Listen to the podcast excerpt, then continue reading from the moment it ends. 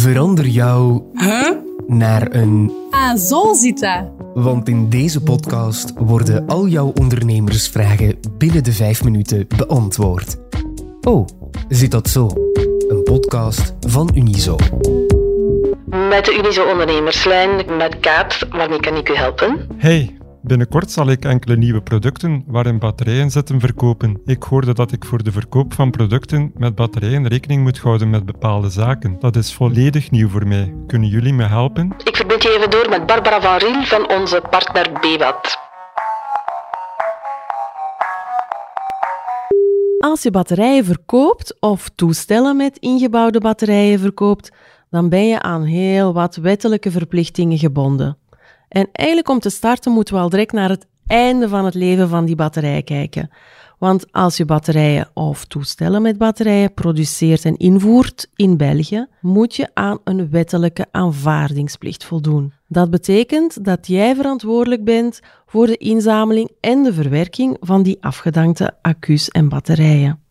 Klinkt misschien simpel, maar dat is het meestal niet. Je hebt als ondernemer twee opties om aan die wettelijke aanvaardingsplicht te voldoen. Ten eerste kan je zelf een individueel aanvaardingsplan opstellen.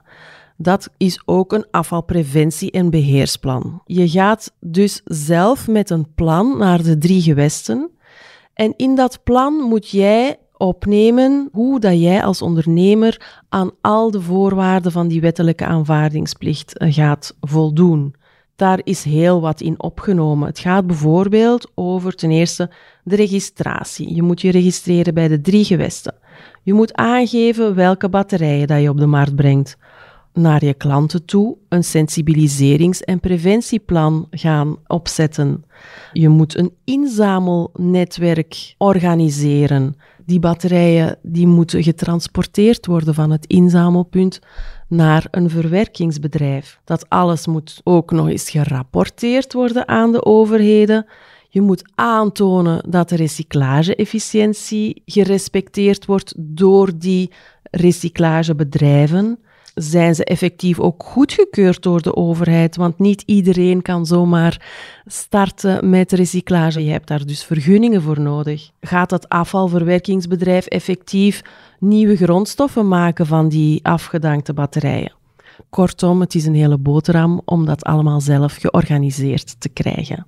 Daarom zijn we bij BWAT daar voor jou. Wij willen jou helpen en ondersteunen met al die wettelijke verplichtingen. Wij weten hoeveel tijd en energie dat uh, van jou zou kunnen vragen. En daarom zijn wij daar voor jou om je taken over te nemen.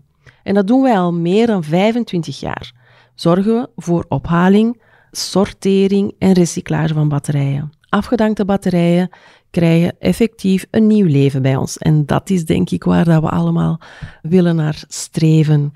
We vinden het bij BEBAT dan ook normaal dat wij jou helpen bij de aanvaardingsplicht. Met een jaarlijkse bijdrage van 60 euro kan je dus deelnemer worden van BEBAT en dan gaan wij jouw aanvaardingsplicht voor jou regelen. Betekent dat dat ik met een betaling van 60 euro aan BBAT met niets extra rekening dien te houden? Dat zou handig zijn. Wel, ja en nee. Het is zo dat wij jou als ondernemer bij BBAT graag willen ontzorgen. Dat doen we eigenlijk al voor duizenden ondernemers, dus we hebben daar al een beetje ervaring in.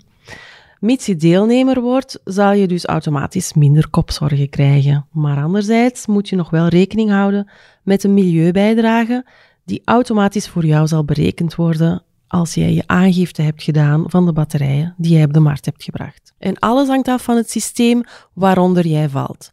Zo hebben we enerzijds het collectieve systeem en dat noemen wij het PSU-celprincipe. Kort uitgelegd, je betaalt voor de batterij op het moment dat je de batterij op de markt hebt geplaatst. En dan is heel de dienstverlening van BBAT inbegrepen. En dit systeem is van toepassing op alle batterijen tot en met 20 kilo. Enkele voorbeelden: een knoopcel, een dubbel A, een triple A. Ook fietsbatterijen vallen bijvoorbeeld onder deze categorie. Mits jij een milieubijdrage betaalt, zijn eigenlijk alle verdere kosten afgedekt voor ophaling en recycling van die batterij. En de hoogte van die bijdrage, wel, die wordt berekend aan de hand van het gewicht van de batterij en de chemische familie waartoe die behoort. Denk aan zink, alkaline enzovoort. Sinds 1 januari 2022 hebben we ook een nieuwe milieubijdrage ingevoerd voor thuisbatterijen of Energy Storage Systems tot en met 200 kilo. Je betaalt ook een milieubijdrage per kilo, hoewel de batterij meestal veel zwaarder is dan 20 kilo. Deze uitzondering is er gekomen op vraag van de sector van de thuisbatterijen en dient ter bescherming van de eindklant. Dan is die ook zeker dat die batterij op een correcte manier opgehaald wordt. Dus samenvattend, bij het collectieve systeem betaal je naast de jaarlijkse bijdrage van 60 euro ook een milieubijdrage per batterij bij de aangifte. Maar wat met de andere batterijen boven de 20 kilo, vraag je je af.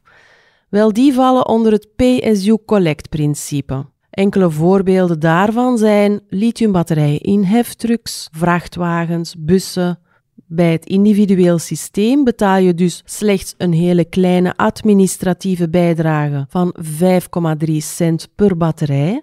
Deze bijdrage dekt niet de kost van ophaling en recycling. En daarvoor kan je dus met BBAT een aparte overeenkomst op maat afsluiten. Daar betaal je dus een afgesproken bedrag op het moment van de ophaling. Alles wordt vooraf natuurlijk contractueel vastgelegd. Ik wil nog een kanttekening maken, want we hebben het nog niet specifiek over loodbatterijen gehad.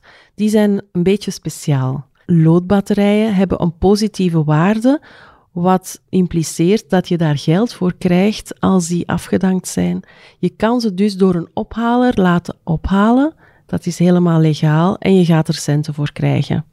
Je moet ze wel aangeven bij BBAT, maar je betaalt slechts die uh, kleine symbolische bijdrage. Anderzijds voor batterijen van een andere chemische samenstelling, vooral lithium, daar is het jammer genoeg niet het geval. Deze batterijen hebben geen positieve waarde.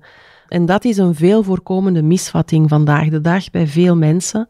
De kost van recycling vandaag is veel hoger dan de opbrengst van de kleine fractie lithium die de batterij bevat. En vergeet niet, beide systemen, daar moet je enkel batterijen aangeven die jij als ondernemer in België hebt geproduceerd of uit een ander land hebt ingevoerd en op de Belgische markt brengt. Onder de definitie van op de markt brengen moet je ook rekenen dat verhuur daaronder valt, leasing, eigen gebruik, al dan niet gratis ter beschikking stellen.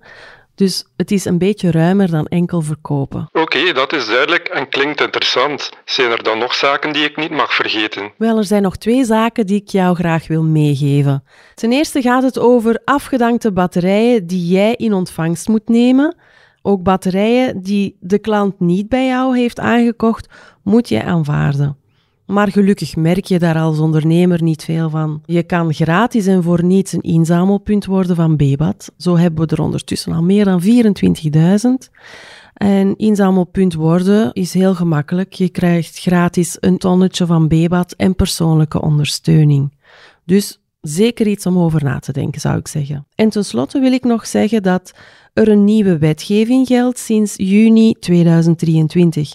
En dat is de Europese batterijverordening. Die focust op circulariteit en verduurzaming van de volledige batterijwaardeketting.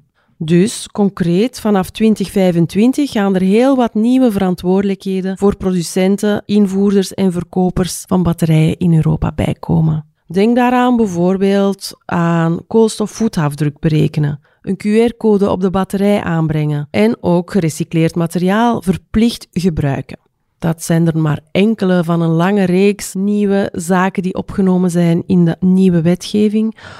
Ik zou zeggen, dat is voer voor een nieuwe podcastaflevering. Onthoud gewoon, ook al klinkt 2025 nog ver, probeer de wetgeving toch al in je achterhoofd te houden. En als je daarover vragen hebt, adviseren we jou heel graag bij BWAT. Dus altijd welkom. Oh zit dat zo is een podcast van Unizo met expertise van onze interne diensten en partners. In deze aflevering spraken we over de wetten en plichten van de ondernemer in zaken batterijen. Wil je hier extra informatie over of wil je jouw case eens kunnen voorleggen? Surf dan naar de kanalen van BBAT of klik op de link in de show notes. De productie gebeurde door Laurens Bervoets en Babette Plessers. Eindredactie was in handen van Philip Horemans, Jurgen Muis en Jasmina Plas. Ben je lid van Unizo? Dan kan je net zoals de ondernemers in deze podcast contact opnemen met de ondernemerslijn voor gratis advies. Dat kan gemakkelijk op het nummer 02 21 22 678. Wil je beroep kunnen doen op onze in-house expertise? Maar ben je nog geen lid van Unizo? Ga dan voor samen ondernemen en surf als de bliksem naar www.unizo.be.